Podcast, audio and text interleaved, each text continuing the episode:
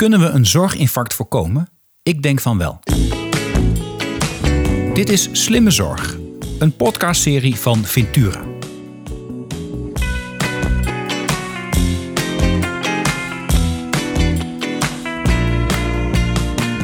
Mijn naam is Arno Rutte.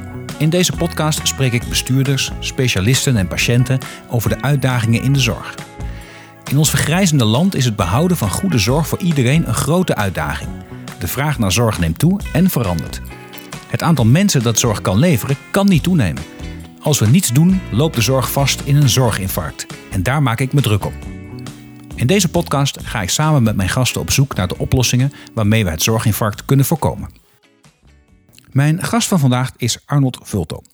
Arnold Vulto heeft 25 jaar als ziekenhuisapotheker en hoogleraar gewerkt in het Erasmus MC in Rotterdam. En is nu honorair hoogleraar aan de Katholieke Universiteit in Leuven en emeritus hoogleraar aan het Erasmus MC. Hij heeft zich gespecialiseerd in biotechnologisch gemaakte medicijnen, waaronder biosimilars, en leidt onderzoek naar de marktwerking voor deze middelen en publiceert daarover. Arnold, welkom bij de Slimme Zorg Podcast. Ja, je weet al wat gaat komen. De vraag waar ik altijd mee begin: wat is volgens jou slimme zorg? Ja. Ja, Arno, daar heb je gelijk. Dat is leuk, hè? Arnold en Arno hier. Ja, dat wordt nog verwarrend dit. Uh, nou, als luisteraars de weg helemaal kwijt zijn, dan, uh, dan, hopen, dan kunnen we achteraf nog een stukje duiding doen. Maar wij, wij klinken wel anders, dat helpt. Ja, dat helpt. En ik heb, uh, nou, ik heb een aantal van jouw podcasts heb ik beluisterd. En ja, ik vind het een... Ik heb zelf, had ik een heel duidelijk idee voor mezelf wat slimme zorg is. Maar ik heb toch wel wat opgestoken ook van de voorgaande podcasts. En ik ben het eens met een van de mensen die zei van slimme zorg is eigenlijk als we zorg zo organiseren dat mensen niet ziek worden. Ja, ja. Toen ik studeerde, in, in, het ver verleden, toen, toen... In het verre Groningen? In het verre Groningen. Ja, ik woon er nog hoor, maar... Ja, toen ik, toen ik farmacie studeerde, ja. toen, dat was in de tijd van Mao Zedong. Toen hadden we het rode boekje en daar liepen we wat achteraan. En toen uh, was het verhaal dat Chinese dokters betaald werden voor... Uh, gezondheid. Voor gezondheid. Ja, dus als patiënten niet ziek waren...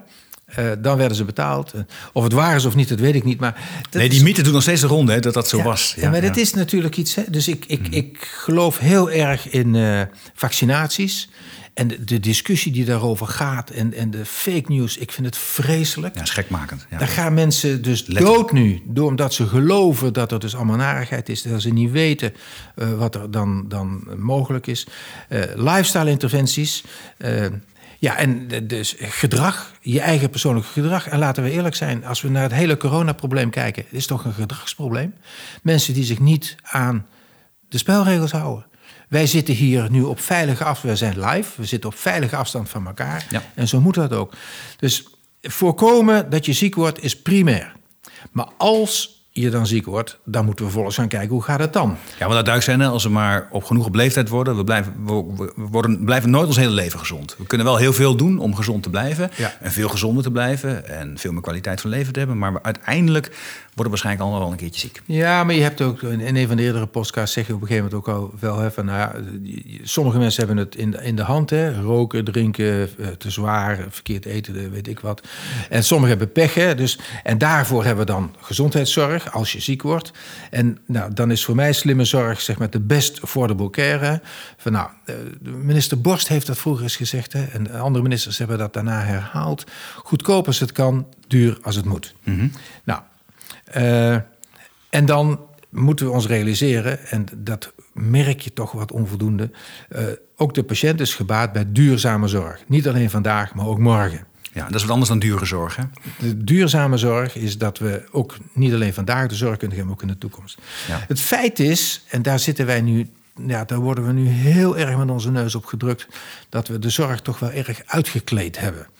Uh, als we nou kijken naar de beddenproblematiek, hè, uh, de, de, hele, de hele coronadiscussie wordt op toon geprojecteerd of we hebben wel genoeg ziekenhuisbedden en genoeg IC-bedden.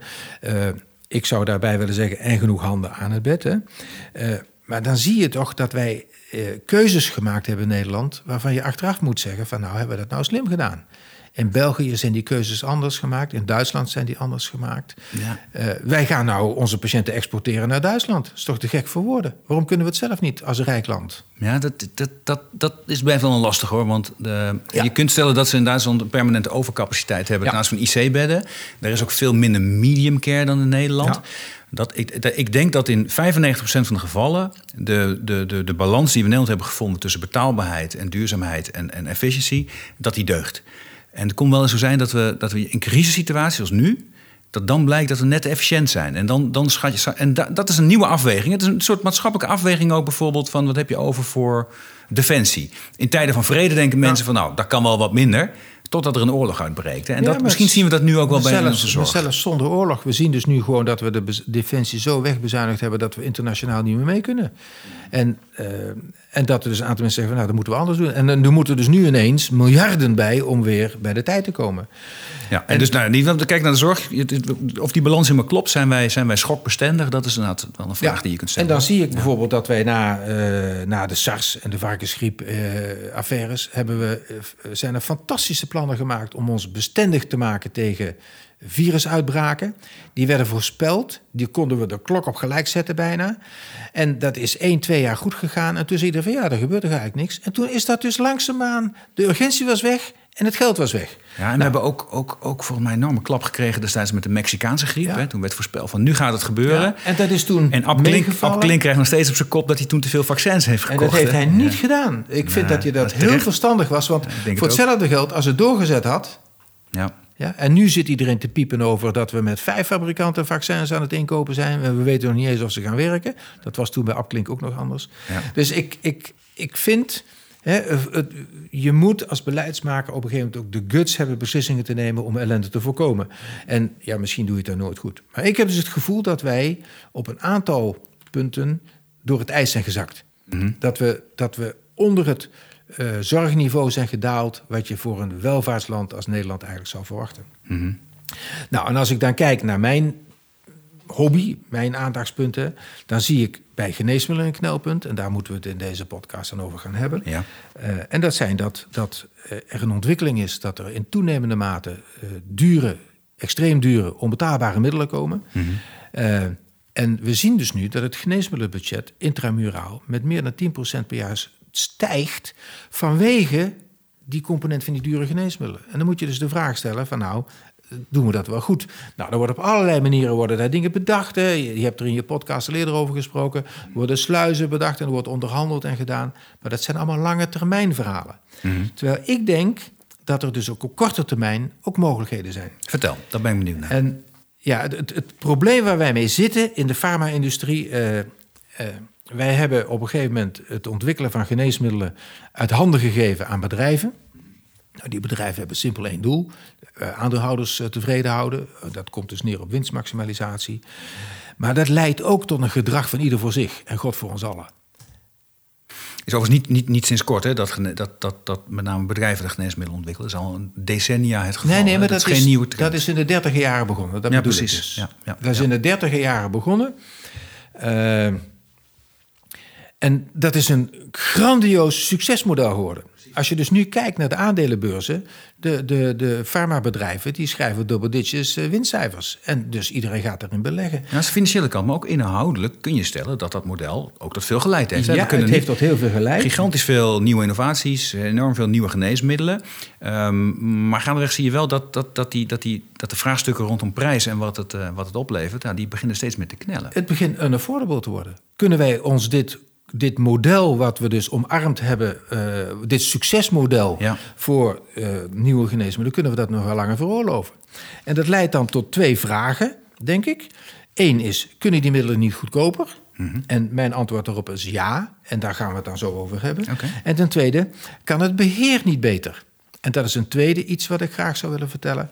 En dan zeg ik van ja, uh, wij moeten denk ik af van het idee van we hebben een ruif met een hele hoop geld en iedereen zit daarin te graaien om het maximale naar zich toe te trekken. Industrie, dokters, ziekenhuizen, patiënten. Uh, een patiënt die ziek wordt, die zegt van het kan me niet schelen wat het kost. Mm Nou, is dat nou wat we moeten hebben? Een dokter die zegt van ja, voor mijn patiënt het beste. Dan zeg ik van ja, en morgen dan. Dus ik vind dat we daar uh, een, naar een nieuw beheersmodel moeten komen. En dat, er is een beheersmodel voor. Dat is een heel spannend verhaal. Uh, nou, die cliffhanger die laten we dan even uh, ja, nu. Die gaan we straks vast, over hebben. Ik wil het vast noemen. Dat gaan we zo doen. Maar dan gaan we eerst naar het eerste punt. En dat is dat je zegt, die, die geneesmiddelen die kunnen ook wel een stukje goedkoper. Ja. Oké, okay, vertel. Nou, wij... Ik zeg wel eens, uh, dat roep ik ook al jaren en andere mensen roepen dat ook. Hè, de prijs van de geneesmiddel is waar de gekke voor geeft. Ja, wordt vaker gezegd. Ja. Ja. Uh, de, en, en je ziet dus ook dat farmabedrijven uh, hun prijsstelling maken naar de draagkracht van de markt. Tot wanneer gaan ze nee zeggen? Dan gaan we er iets onder zitten. Of we gaan er iets boven zitten en we laten het gewoon een spannend probleem worden. Ja. En we laten de minister bungelen als het weer op vergoeding aankomt. Ik heb dat soort dingen meegemaakt, ook als politicus, dat het gebeurde. Ik zie ook de andere kant wel. Ik, uh, ik denk niet dat het voor elk farmaceutisch bedrijf geldt. Ik, zie ook heel veel farmaceutische bedrijven ook wel zoeken naar veel betere oplossingen om dat te doen. Maar dat er, een, dat er in zijn algemeenheid hè, een probleem ligt rondom prijsvorming, ik denk dat dat waar is. Ja. En in ieder geval uitdagingen op dat gebied. Ja. Maar als ik dan kijk naar de geneesmiddelenmarkt, en, dan zie ik dus dat met name die dure geavanceerde biologische geneesmiddelen heel kostbaar zijn. Maar we leven nu in een periode dat patenten daarvan aan het verlopen zijn. Ja. En dan ineens uh, krijgen we een situatie die we ook bij hebben gezien bij de chemische geneesmiddelen. Dat er dus kopieën gaan ontstaan, generieke geneesmiddelen, die nog maar een fractie kosten. En dan zie je eigenlijk dat de prijs van een geneesmiddel heel weinig te maken heeft met wat het feiten kost om te maken. Want nadat die, die concurrentie er komt, kan het ineens veel goedkoper. Dus er zit een geweldige hoop lucht in die bubbel. Ja, nou is het wel zo natuurlijk dat er ook een reden is dat die lucht erin zit. Want een geneesmiddel ontwikkelen is wat anders dan een geneesmiddel kopiëren, toch? Ben ik helemaal met je eens. Ja. Uh, geneesmiddelen ontwikkelen vanaf de bodem uh, is, is, is een kostbare aangelegenheid. Risicovol. Maar, maar, ook daar is een hoop fake news. En het hangt er een beetje vanaf welke modellen je hanteert. Hè. Er zijn dus mensen die ja, het ontwikkelen van een geneesmiddel kost meer dan een miljard. Nou, dat is waar als het gaat om geneesmiddelen gebaseerd op nieuwe farmacologische therapeutische concepten. Mhm. ja? Maar de MeToo-middelen die daarna allemaal komen, die kosten dat allemaal niet meer. Nee. Uh, ik wil er nog wel even iets anders bij zeggen. Dat is ook wel. Hè, de geneesmiddelen zijn voor een deel zo duur omdat wij als samenleving extreem hoge eisen hebben gesteld aan kwaliteit en veiligheid. Zeker, daar hebben we met Ingmar de Gooier in een eerdere podcast ook over gehad. Dus vooral die laatste fase, die derde fase van geneesmiddelonderzoek, jaagt de prijs gigantisch die op. Die kost zoveel geld. Ja. En, ja, en daar wordt dus nu gezocht naar andere modellen. En het mooie is nou mhm. dat er dus voor biologische geneesmiddelen, waarvan het patent verlopen is, is, is de European Medicines Agency heeft dus een model ontwikkeld waarbij die derde overkostbare fase er nagenoeg uit is gesneden. Oké. En we dus nu geneesmiddelen hebben, die nog maar een biologische geneesmiddelen, die nog maar een fractie kosten van wat het origineel kost.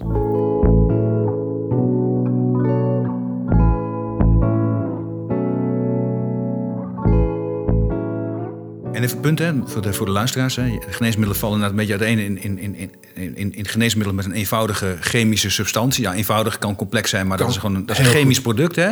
En je hebt de biologicals, dat zijn eiwitten, geloof ik. Hè. Dat zijn biologische producten, vaak complexe uh, uh, structuren zijn dat. Zowel chemisch als qua draaien, qua al, al dat soort zaken. Dat zijn de biologicals. Biologische geneesmiddelen worden, de, de, de, definitie ervan is dat ze gemaakt worden in biologische systemen. Mm Dat zijn worden gekweekt, hè? Gekweekt, dat zijn hele ingewikkelde moleculen.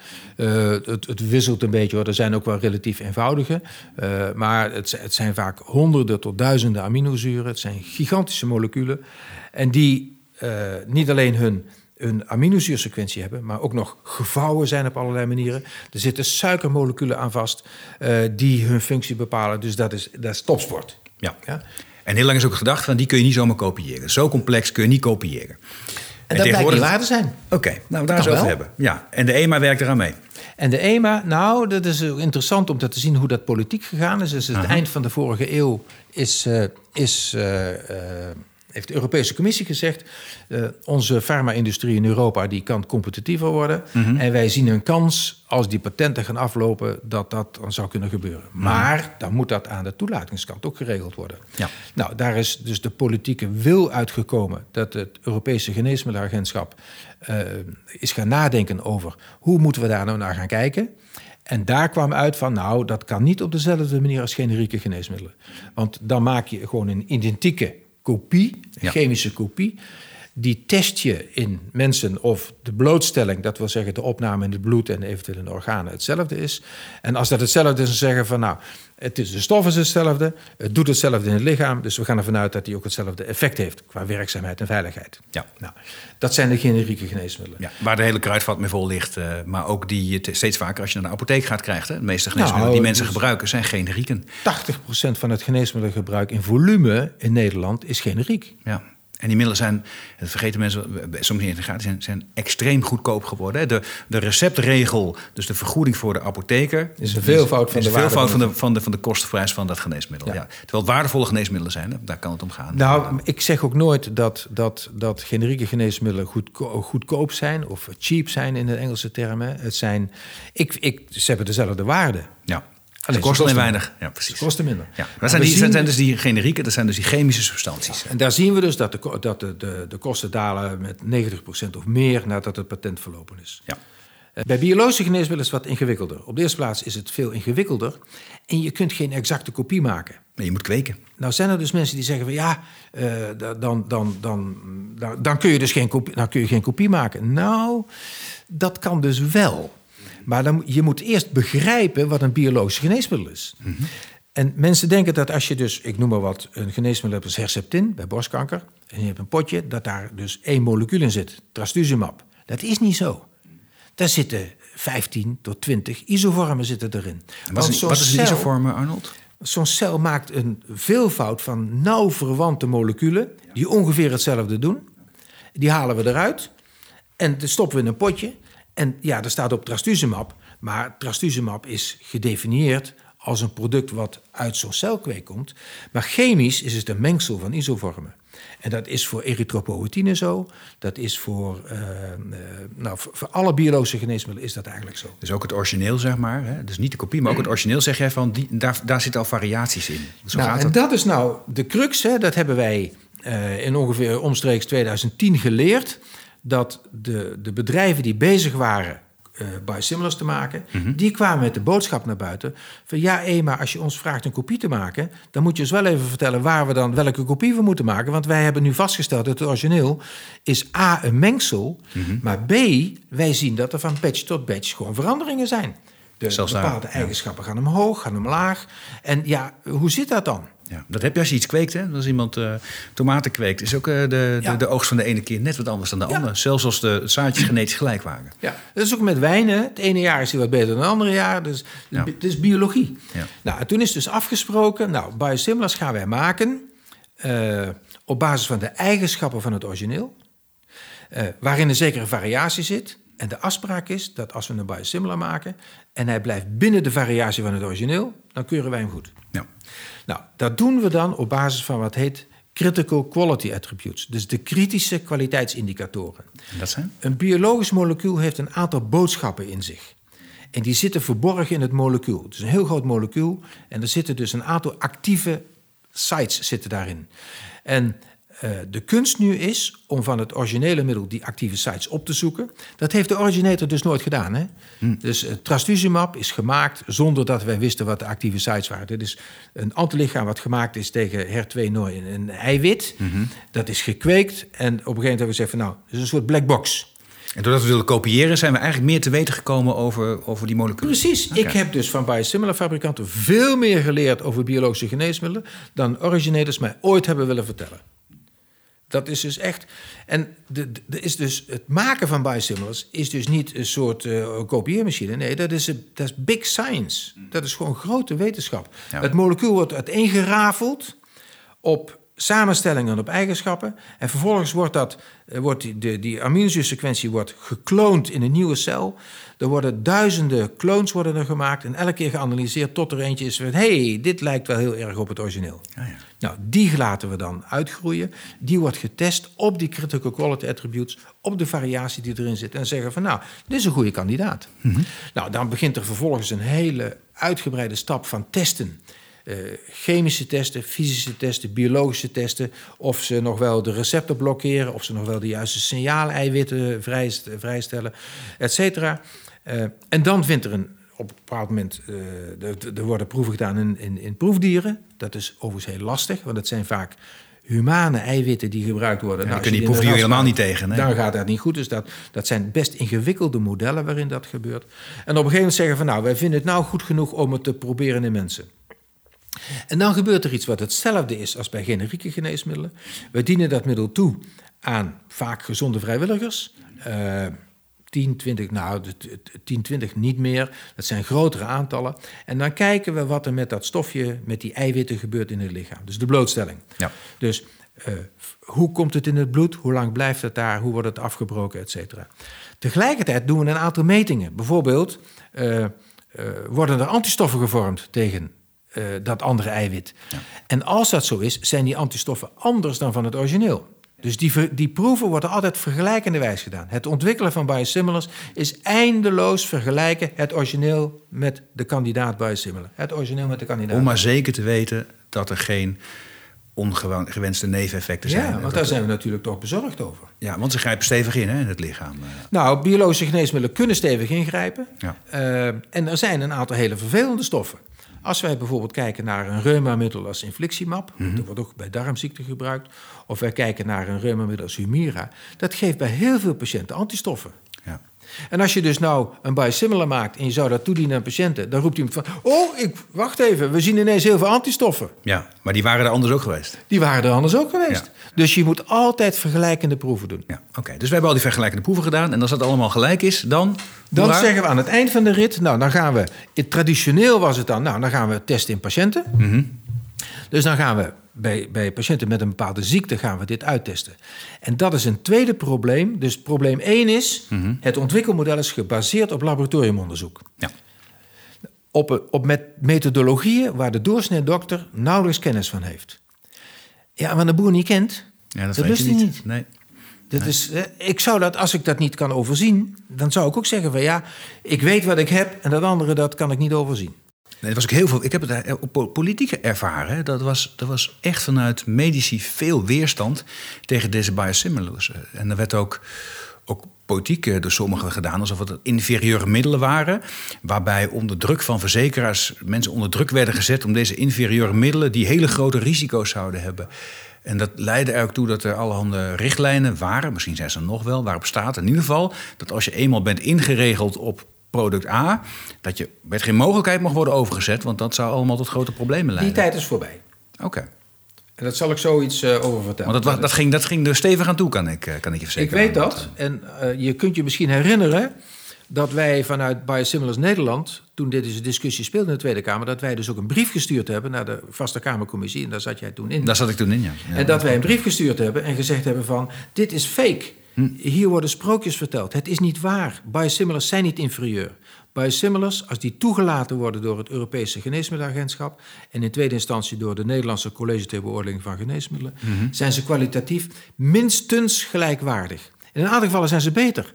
En dat is ook logisch, want het origineel is ontwikkeld in de jaren 80, 90 van de vorige eeuw, terwijl die biosimilars met het 21ste eeuwse technologie is ontwikkeld. Die zijn vaak zuiverder, minder aggregaten, zijn stabieler.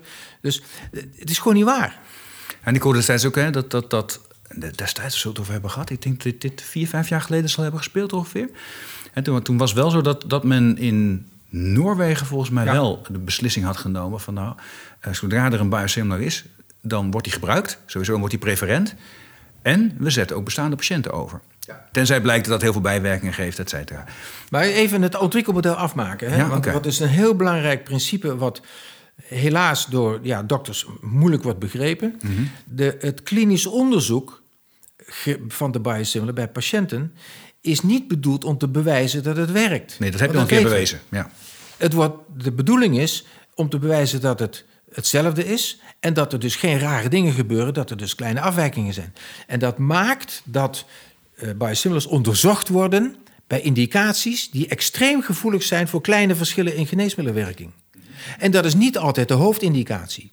Ik zal een voorbeeld geven. Nee, omdat daar de gevoeligheid, de kritische, het kritische pad het smalst is. En daar wil je zeker weten. Daar wil je weten, ja. ja okay. Want als we daar geen verschil zien, dan gaan we ervan uit dat in de andere ziektes, waar het allemaal uh, veel breder is, dat het daar geen probleem zal zijn. Een mooi voorbeeld is bijvoorbeeld voor TNF-alpha-remmers. Dat zijn middelen die gebruikt worden bij reumatoïde artritis en bij ontstekingsziekten van de darm. Een enorme verbetering in kwaliteit van leven hebben die opgeleverd. We hebben een enorme vooruitgang gegeven in de zorg. Hè? Die biosimilars die worden getest bij, bij psoriasis, bij een huidaandoening. En waarom? Daar zie je meteen wat er gebeurt. Dat is een hele gevoelige indicator. Inflammatoire darmziektes die gaan heen en weer. De biosimilar werkt maar bij 60, of de, het biologische geneesmiddel, dus ook de innovator, werkt maar bij 60 tot 70 procent van de patiënten. Ja. Dus je hebt variatie op variatie op variatie. Daar ga je geen verschillen zien. Bij psoriasis is de slaagkans veel hoger en is het ziektebeeld veel stabieler. Ah, ja. En daarom zie je dus daar, als er verschillen zijn, zie je dat veel sneller. En dan wordt er dus een head-to-head trial gedaan, zoals dat heet. Dus het geneesmiddelonderzoek wordt gedaan. Eén uh, groep patiënten blind krijgt het origineel, de andere groep krijgt blind de biosimilar. En aan het eind van de rit wordt dus gekeken van, nou, hoe zit het met de effectiviteit? Hoe zit het met de bijwerkingen? Hoe zit het met de immuunrespons? En pas als dat allemaal valt binnen de bandbreedte, zegt de EMA, wij gaan niet meer akkoord. Mhm. Maar dan zegt de EMA nog iets. Okay. En dat maakt de discussie zo lastig over biosimilars. Dan zeggen ze, als er bij de meest gevoelige indicatie geen verschil is, dan nemen wij aan dat dat verschil er ook niet is bij de andere indicaties. Ja.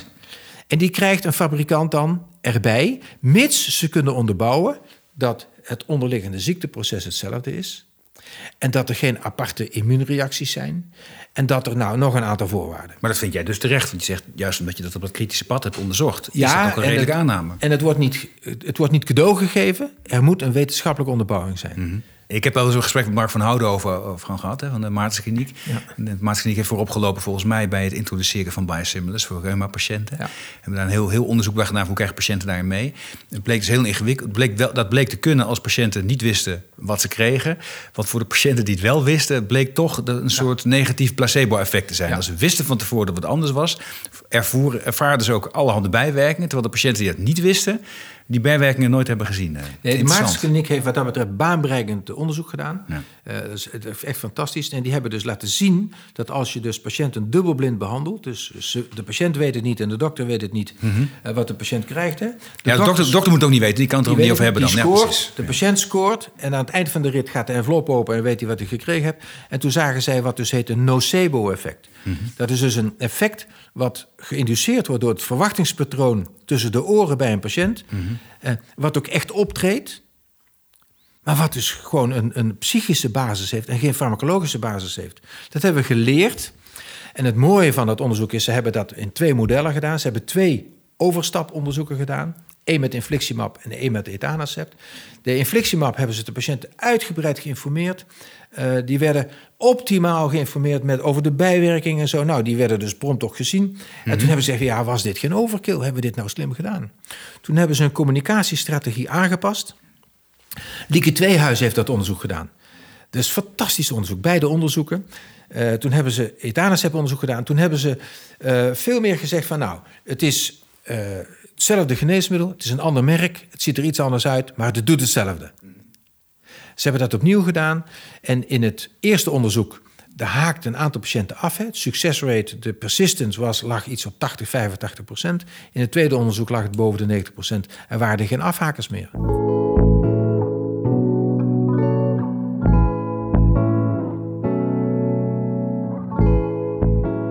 Zijn we nu dan op dit moment in Nederland zover dat inderdaad die biosimilars voluit de ruimte krijgen? Of zijn er nog wat, wat, wat hobbels te nemen? Nou, er zijn nog wat hobbels te nemen. Uh, in de ziekenhuizen uh, is het grotendeels op orde. Mm -hmm. Nog niet helemaal, maar uh, de, de, de is, de, ik ben voorzitter van Biosimilars Nederland. En samen met het Instituut voor Verantwoord Medicijngebruik hebben wij uh, een aantal jaar geleden het BOM-project gestart. BOM staat in dit geval voor Biosimilars op maat. Mm -hmm. Dat is gesteund door het ministerie van Volksgezondheid. Die hebben er acht tonnen gestopt. We zijn dat project aan het afronden. We zijn nu de resultaten aan het bekijken. En uh, wij zien dus dat, uh, dat de, voor, de, de biosimilars op maat betekende dat wij voorlichting op maat gingen geven in ziekenhuizen. Mm -hmm. We zijn begonnen met dat in de vorm te doen van symposia. Ja, dokters hebben het te druk. Het had onvoldoende prioriteit, dus we bereikten de dokters niet. Dus wij zijn naar de ziekenhuizen gegaan. We zijn met de dokters in de ziekenhuizen gaan praten, met de apothekers, met verpleegkundigen. We hebben cursussen gemaakt over shared decision making, dus dat, dat we leren patiënten te informeren hierover. Zorgen dat er met één stem gesproken wordt. Nou, een aantal principes die, die, die belangrijk zijn voor uh, deze, voor het succes van biosimilars. En dat project dat is denk ik een groot succes geworden. Dat, gaan we, uh, dat zijn we aan het afronden. En nou, daar zullen we nog wel wat lawaai over gaan maken, denk ik. Want dat is echt heel mooi geworden. Ja, maar de terughoudendheid om biosimilars dus in te zetten in ziekenhuizen... die is er, die is er niet meer. Betekent die is er niet, nog wel. Oké, nog wel. Oké. het probleem is namelijk, hebben wij gemerkt... dat elke nieuwe groep van dokters moet dat leren. Maar het is niet, nog niet standaard in de opleiding. Eh, het, is, uh, het komt in de opleiding. In Rotterdam, waar ik deels verantwoordelijk ben geweest voor het geneesmiddelenonderwijs, mm daar wordt onderwijs gegeven over biologische geneesmiddelen. Daar wordt onderwijs gegeven over biosimilars. Maar dat is niet in alle faculteiten zo. Oké. Dus er moet gewoon tijd overheen, Arnold. Mensen moeten eraan wennen, artsen moeten eraan wennen, in de opleiding moeten een plek krijgen. Maar dit, dit gaat normaal worden. zonder, dat, zonder dat patiënten daar last van hebben, want dat moet natuurlijk wel het punt blijven. De basis is, en uh, nou ja, dat is het naast dat ik met dit soort werk bezig ben, ben ik ook hoogleraar in Leuven. Daar heb ik een onderzoeksgroep van vier promovendi. En daar hebben wij een aantal dingen uit geleerd uit het onderzoek. En er zijn vijf basisregels die je nodig hebt voor het succesvol implementeren van biosimilars. En stap 1 is dat je iedereen daarbij betrekt. Dus je moet niet alleen met de dokter praten, maar ook met de verpleegkundige, met patiënten, met apotheek, apothekersassistenten. Uh, iedereen, directie, inkoop van het ziekenhuis bijvoorbeeld, die moeten op één lijn zitten. Ja. Als je dat niet hebt en er zit iemand in de, die, zit, die gooit roet in het eten, dan heb je een spaak in het wiel. Dus je moet beginnen met. Uh, met een coalitie vormen eigenlijk. Coalitie vormen. Dus, uh, dus je moet alle stakeholders erbij betrekken. De tweede is, daarna moet je zorgen dat iedereen met één stem gaat spreken. Eén stem spreken betekent dat iedereen overtuigd is van dit is goed voor de patiënten, voor de zorg, voor ons budget en, voor de duurzaamheid van de zorg. Nou, de derde is dat je op een gegeven moment de patiënt gaat betrekken hierbij. De shared decision making. Uh, shared decision making is dat je de patiënt op persoonlijk niveau informeert over wat er aan de hand is. Uh, en dat is bij een chronische ziekte, waarbij een patiënt wordt omgezet, een ander verhaal dan bij een kankerpatiënt die vooral bezig is met te overleven. Uh, en zegt van ja, dokter, u kiest het geneesmiddel maar. Ja. Dat is een andere discussie. Nee, die chronische patiënt heeft vertrouwen in het middel wat hij al jaren heeft. Is eindelijk ingesteld. Heeft een, Toen hij het voor het eerst kreeg, de ellende meegemaakt. En die wil, dat, wil die ellende niet nog een keer. heel begrijpelijk. Heel begrijpelijk. En dat, dat, dat, dat kost dus moeite. En dat betekent ook dat er ruimte moet zijn voor compensatie voor die moeite. Dus dat is het vierde principe, is, dat heet gain sharing. Dit levert de zorg besparingen op. En dat moet niet zomaar ergens verdwijnen in een bodemloze put. Mm Dat moet voor een deel, denk ik, terugvloeien naar degene die de inspanning leveren Bijvoorbeeld dat er een, een extra researchverpleegkundige is, of dat een diabetesverpleegkundige een training kan krijgen om dit soort werk te doen. Eventueel extra uren beschikbaar krijgt om dit te doen. Want er is werk nodig. En voor mij is dat al heel simpel. Zorg, dat hoef ik jou niet uit te leggen. Je hebt handen nodig om het te verlenen. Als die handen er niet zijn, dan wordt het dus niks. En daarom mislukken dus biosimilars soms. Ja. En we hebben nou een, een vijfde principe geleerd: transparantie. Want ik zei net al, er worden besparingen gehaald. Maar als die dus gebruikt worden om het bodemloze vatten te dempen... dan denken dokters al gauw van ja, ho, ho. Uh, we hebben dus een aantal landen gezien... waar de motivatie van dokters heel laag is. Omdat ze zeggen van ja, ik moet het werk doen. En een andere die, uh, nou, bijvoorbeeld de verzekeraar... die, uh, die, die kan daar zijn, zijn, zijn reserves mee spekken. Nou, daar doe ik het niet voor. Nee. Dus dit zijn de vijf basisprincipes.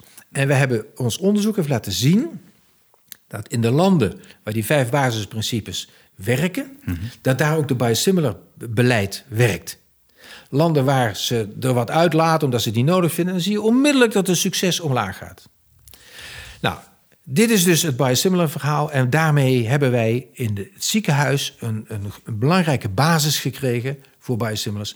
En ook ja, zijn er dus uh, zijn patiënten nu uh, en dokters bereid te switchen. Ja, en je praat over kosten, kostenreducties hè, op dit soort middelen. Wat, voor het gaat beeld van mensen. honderden miljoenen. Ja, het gaat over enorme bedragen. Ja. Prijzen dalen met zo'n 80 procent. En, dan, en het gaat ook nog een keer over, soms wel meer. En het gaat over middelen die ook echt zeer kostbaar zijn. Hè? Ja, maar dus, dat hebben wij gekwantificeerd. Dat hebben wij mhm. in kaart gebracht. Mm -hmm. Dus wij hebben nu voor, uh, dat is in het kader van het BOM-project, hebben we dit uitgerekend samen met de mensen van het Zorginstituut. Die hebben een GIP-databank.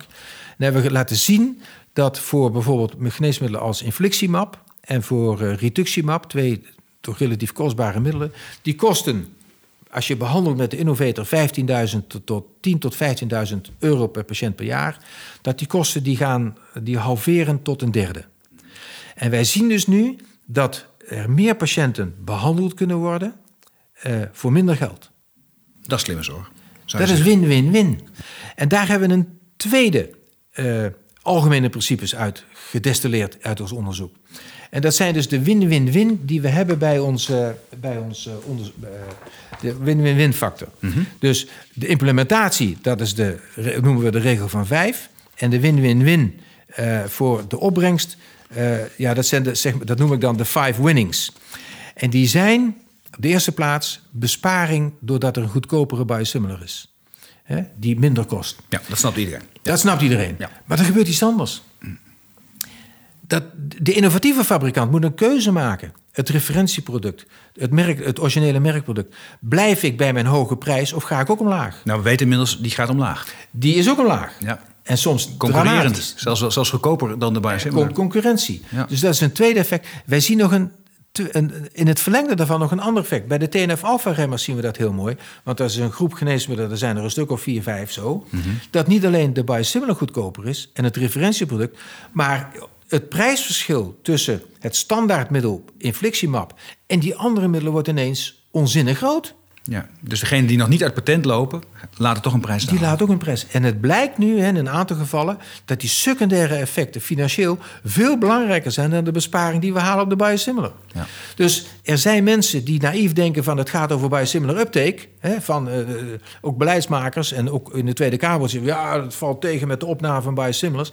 Ik vind dat helemaal niet interessant. Ik vind belangrijk is de competitie. Ja, Wat gebeurt er? En dat hebben we dus laten zien, uh, ook macro in de rapportage van het BOM-project, dat, we dus, dat het, de overal kosten van de behandeling van patiënten omlaag gaat. We kunnen met minder geld meer patiënten behandelen. Ja. En daarmee denk ik, uh, leveren wij een essentiële bijdrage aan, aan, aan de duurzaamheid van de zorg. Wij zien nog iets anders. Die middelen waren heel duur. En daardoor werden bepaalde groepen patiënten eigenlijk niet mee behandeld omdat ze daar niet kosteffectief genoeg waren. Ja. Maar als die prijs omlaag gaat, verandert die kosteffectiviteit. Nou ja, noem psoriasis, hè, dat is natuurlijk een hele nare aandoening, maar de impact heel anders dan met reuma. Dus dat werd vaak onderbehandeld. Ik heb heel veel in de Tweede Kamer heel vaak psoriasis-patiënten bij mij gehad. Zeggen, Dat is geen goede behandeling. Maar die is er dus wel, maar die was gewoon te prijzig. Die, was relatief heel duur. En dat is nu ineens, is dat, ja, ligt niemand daar meer wakker van. Dus wij zien nu dat ook patiënten eerder toegang krijgen. Een, een, een duur biologisch geneesmiddel was bijvoorbeeld een derde lijns behandeling. Mhm. Is tweede lijns geworden, eerste lijns geworden. Ja. Dus het volume aan patiënten neemt toe, maar de effectiviteit en de kwaliteit van de behandeling is dus ook erg toegenomen. Nou, vervolgens, dus wij zien dus niet alleen dat patiënten eerder behandeld kunnen worden, maar we zien ook dat er meer patiënten behandeld kunnen worden. En aan het eind van de rit blijft er nog geld over, Arno. Mhm. En dat is het mooie. Dat kennen we eigenlijk niet in de zorg. Het is nooit geld over. Is altijd tekort. Jawel, en daarom is die transparantie zo belangrijk, Arno. Mhm. Die vijfde factor die hadden wij eerst niet in onze rule of four zitten. Dat is onze rule of five geworden. Het blijkt nu dat er uh, blijft een hoop geld over. En dat geld dat kunnen we gebruiken voor die hele nieuwe onbetaalbare dure middelen. Dus in het zorgbudget is dus budget vrijgekomen voor die geavanceerde zorg. En voor patiënten is mijn boodschap altijd: als u nu ruimte geeft voor het overstappen naar een biosimilar, betekent dat dat, als die biosimilar op een gegeven moment, als dat biologische geneesmiddel niet meer werkt, dan is er geld beschikbaar voor een misschien wat nog meer geavanceerde therapie. Met gentherapie of uh, andere nou ja, kostbare grapjes die nodig waar, die nu nog onbetaalbaar zijn.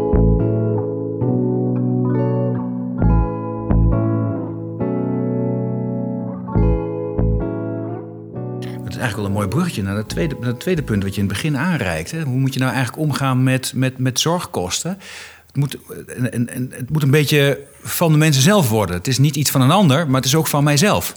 Ik zou je zeggen hoe, hoe, hoe, hoe, ik, hoe ik daarop gekomen ben. Mhm. Hoe wij dus op een gegeven moment. Uh, er, zijn, er zijn twee aanleidingen zijn daarvoor.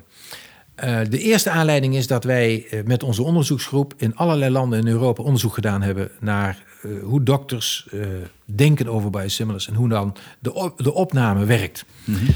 En wij kwamen, wij hebben, ik ben met een van de promovendi ben ik in Zweden gegaan, hebben wij een tour gemaakt langs allerlei ziekenhuizen, interviews afgenomen.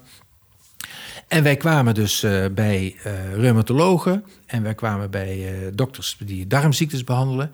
En die zeiden van, ja, wij vinden dit wel heel belangrijk dat dit gebeurt. En, en zeggen, ja, wij hebben in het verleden veel geld gekregen om onze patiënten met deze dure middelen kunnen behandelen. En nu zitten de oncologen in de problemen. Dus ja, wij vinden het eigenlijk wel heel goed dat nu de oncologen ruimte hebben. Nou, ik vond dat. Dus er was een hoge mate van altruïsme bij die dokters. Nou, dat was stap 1. Mhm. Stap 2 was dat in mei 2019 er door de New York Academy of Sciences een symposium werd georganiseerd over dit soort complexe geneesmiddelen, hoe we daarmee om moeten gaan. En daar heeft een Duitse professor heeft daar een verhaal gehouden. Die zei van uh, het probleem is dat uh, dat de gemeenschap, en in Amerika is dat nog veel erger uh, dan in Nederland, dan in Europa, uh, dat iedereen geld naar zich toe wil trekken uit die zorgruif. Zegt hij, als we dat niet veranderen, dan zal, dan zal er ook geen duurzame zorg komen. En hij heeft toen geïntroduceerd, hij zegt toen van, nou moeten wij niet gaan nadenken over het zorgbudget in termen van management of the commons. Mm -hmm. Nou, wat is management of the commons? Dat is een heel oud principe. je hebt het net kort aangeraakt. Ik eh, zal je drie voorbeelden geven. Ja, laten we horen. Het eerste voorbeeld is uit de, uit de, de, de oudheid. De oudheid had je uh, een dorp en daar had je een, een, een, een, een centrale ruimte. Dat kan de Meent heten, het kan eh, nou, de Heuvel heten. En veel in Brabant heet dat vaak de Heuvel. Uh, dus dat is een centraal punt. Daar werd omheen gebouwd. Stond aan de ene kant de kerk, de café ernaast, de mensen wonen eromheen. En dat middengebied was gezamenlijk eigendom. Wat gebeurde er? Uh, de schapen werden gewijd op het land en kwamen s'avonds terug en werden dus op dat gemeenschappelijke grondgebied werden die, overnachten die. En de volgende dag gingen ze weer naar buiten. Want anders werden ze opgevreten door. Toen hadden we ook al wolven. Hè? Ja, ja. Nou, dus dat. En daar is uitgekomen een beheersmodel. Uh, hoe die schapenhouders of omwonenden met zo'n gebied moeten omgaan. En denk niet dat dat voorbij is. Ik was laatst met mijn vrouw in Brabant aan het fietsen. Ik kwam in Den Hout. Mm -hmm. En ik zal, het, het is fantastisch uh, wat wij daar gezien hebben. Ja. Uh, daar heb je een hele prachtige, mooie heuvel. We hebben geen beelden bij de podcast, maar ik kan dan zo meteen bevestigen dat het. ja, nee, maar ik, ik, wil het even voorlezen. Want ja, het is okay. zo mooi wat daar gebeurt. Hè. Ja. Dus uh, ik, even, uh, moet het even opzoeken. Want ik heb dat, uh, wat ik daar las en wat ik daar gezien heb, heb ik gestuurd naar mijn promovendi in Leuven. En ik heb gezegd: van kijk, de Houtse Heuvel oorspronkelijke kern van een Frankische nederzetting tot op de dag van heden is het terrein gezamenlijk eigendom van de gelanders. En dat zijn dus de omwonenden. En de huidige inrichting van dateert kort na 1800. Dus het bestaat. Ja. En waarom kunnen wij dus wel de green, want in het buitenland heet dat dan in Engeland de green, hè, kunnen we die wel gezamenlijk onderhouden en niet ons zorgbudget? Ja. Ik zou je drie voorbeelden geven. Het, het tweede voorbeeld komt uit Amerika. En uh, daar is de theorie op gebaseerd. Uh, je kunt je voorstellen dat als er ergens een bron is in het land, dan heb je een onderstroom en alle landerijen eromheen die hebben plezier van dat water ja. en kunnen landbouw plegen. Totdat er op een gegeven moment een kapitalist komt die zegt van uh, ik koop dat land met die bron en ik ga daar een limonadefabriek beginnen. En dan wordt de onderstroom afgesneden en die boeren die zijn broodeloos. Dit was een kolossaal probleem, eh, laten we zeggen in het begin van de vorige eeuw in Amerika. En daar moest dus een oplossing voor komen. En daar kwam uit dat ja, die bron en dat water is een gezamenlijk, dat is niet van de eigenaar van de bron, nee, dat is een gezamenlijk eigendom van ons allemaal. En daar is zelfs de Nobel. En, is, en is ook niet te koop. En dat is ook niet te koop. En daar is dus uh, uh, op een gegeven moment is dat economisch gemodelleerd. En daar is op een gegeven moment ook de, model, de, de Nobelprijs van de economie is daarvoor uitgereikt. Dat dit zo'n belangrijk principe is dat er op een gegeven moment waarden zijn die het eigendomsrecht van zo'n bron overstijgen. Ja. En daar is dus de, de man, en daar vandaar de term management of the commons. Uh, nou, die hoogleraar die heeft dus voor de Academy of Sciences dat verhaal verteld. Ik werd erop geattendeerd. Dat staat online. Uh, we zouden dat bij wijze van spreken, dat linkje ergens nog kunnen opnemen hierbij. Okay, Mensen kunnen het zien, hè? dat verhaal, hoe dat gehouden wordt. En, uh, en ik heb contact gezocht met die hoogleraar in Duitsland. Uh, en ik heb gezegd van nou, wil je met ons samenwerken in ons onderzoek? En hij is nu betrokken bij ons onderzoek. En wij gaan nu, en dat is dus het derde voorbeeld, Ja. wij gaan dus nu de management of the commons vertalen naar het beheersen van het geneesmiddelenbudget als iets wat van ons is. En niet alleen maar van de laatste aanbieder van het duurste middel. Of die ene patiënt die een extreem dure behandeling wil. Of een bepaalde dokter die zegt van het zou mij een rotzorg zijn. Ja. Ik wil het beste voor mijn patiënt. Het kan niet schelen wat het kost. De verzekeraar lost het maar op. Maar dat geldt ook voor verzekeraars. Dus wij gaan kijken of wij een onderzoeksmodel, of wij een, een, een beheersmodel kunnen maken. Waarbij de verschillende stakeholders in een soort gezamenlijke verantwoordelijkheid om de tafel gaan zitten. Van het is niet van de verzekeraar, het is niet van de overheid.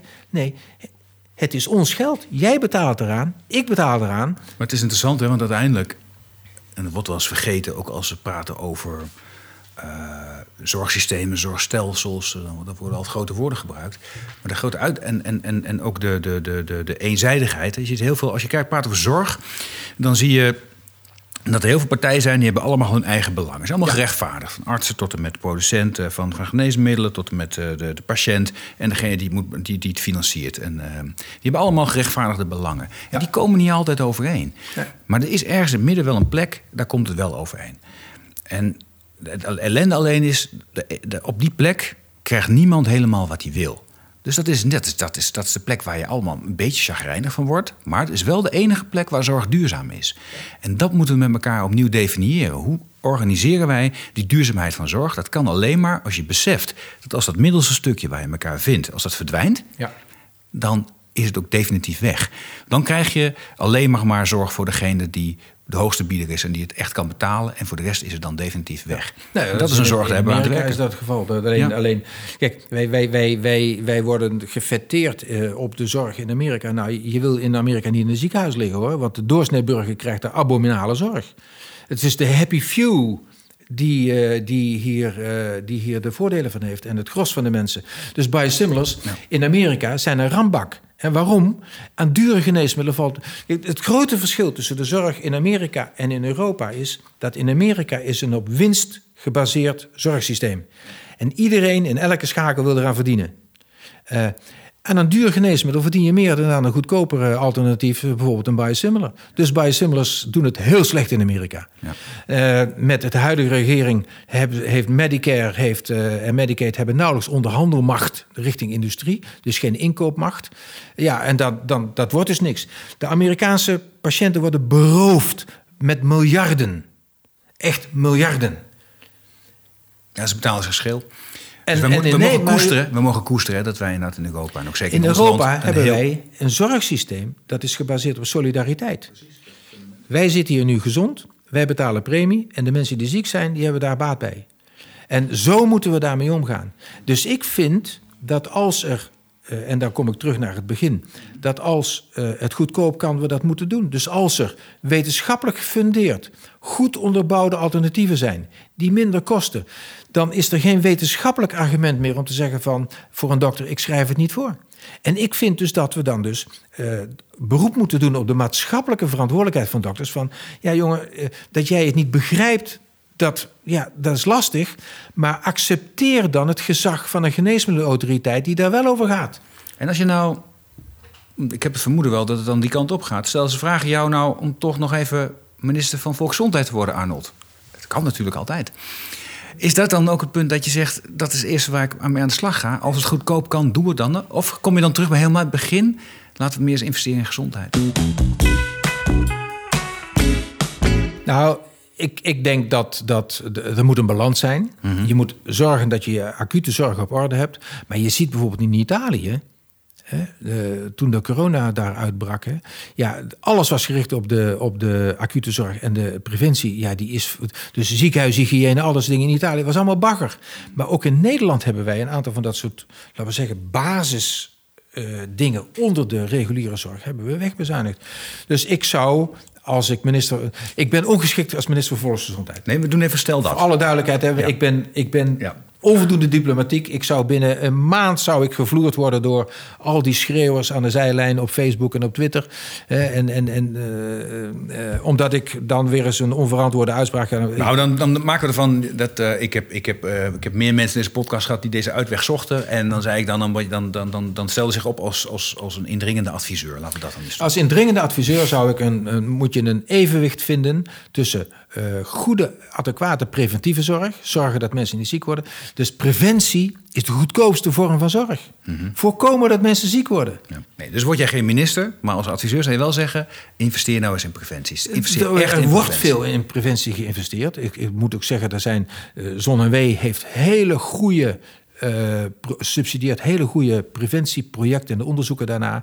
Dus het wordt wel gedaan. Uh, ik durf niet te zeggen dat het niet genoeg is. Maar ik heb gezien dat er afbraak heeft plaatsgevonden op terreinen waar we, nu de, waar we nou de tol voor gaan betalen. Mm -hmm. Wij moeten nu met defensie een inhaalslag halen van miljoenen, mm -hmm. miljarden. miljarden ja. En wij moeten nu een inhaalslag gaan maken op de, de virusbestrijding van miljarden. Mm -hmm. Waar uh, pak een beet vijf jaar en tien jaar geleden daar hele goede stappen gezet werden. Maar dat langzaamaan, ja, ach, het waait wel over. En dan is de politieke urgentie weg. Dan is er een ander urgent probleem. Nou, krijg je communicerende vaten, waar vinden we het geld, et cetera. Soms heb je een crisis nodig hè, om weer wakker te worden. En dan word je weer wakker. En dus ik vind Marion Koopmans, wat zij doet, vind ik fantastisch. Mm. Maar dat is wel in de voetsporen van Ab Osterhaus die dat allemaal opgezet heeft. Mm -hmm. Dat is... Uh, ja. ja. Dus ik, ik, ik, ja, je moet... Voorkomen is beter van genezen. Dat is een heel oud gezegde, maar dat heeft natuurlijk hierop ook betrekking. Als je het kunt voorkomen, moet je dat doen. Arnold, mag ik jou heel erg bedanken. Nou, voor het interview. Of is er nog iets wat jij heel graag wil zeggen? Want ik, dan komt nog een uitsmijter. Ik, ik, ik, heb wel een uitsmijter hoor. Ik, uh, als, want, Kom maar op. Mijn boodschap is natuurlijk hè, van... Uh, uh, duur als het moet, goedkoop als het kan. Ja. En ik denk dus dat biosimilars daarvoor een gouden greep zijn. Die, je kunt met een knip van de vinger kun je enorme besparingen realiseren. En dat leidt dus tot slimme zorg in de zin van win-win-win. Je kunt meer doen van dezelfde kwaliteit tegen lagere kosten. En ik vind dat mensen met gezond verstand daar geen nee tegen kunnen zeggen. Arnold, dankjewel. Dit was Slimme Zorg, de podcast waarin nagedacht wordt over oplossingen waarmee een zorginfarct voorkomen kan worden. Een podcastserie van Ventura. Abonneer je op deze show via iTunes of Spotify en voel je vrij om een review achter te laten. Ik vind het zelf enorm leuk om te lezen wat jullie van de podcast vinden. Je mag me ook mailen op podcast.ventura.com. Vond je de podcast leuk? Dan heb ik een opdracht voor je. Vertel over de podcast aan een van je vrienden of collega's. Mijn naam is Arno Rutte. Dit was Slimme Zorg. Je hoort mij over twee weken weer in een nieuwe aflevering.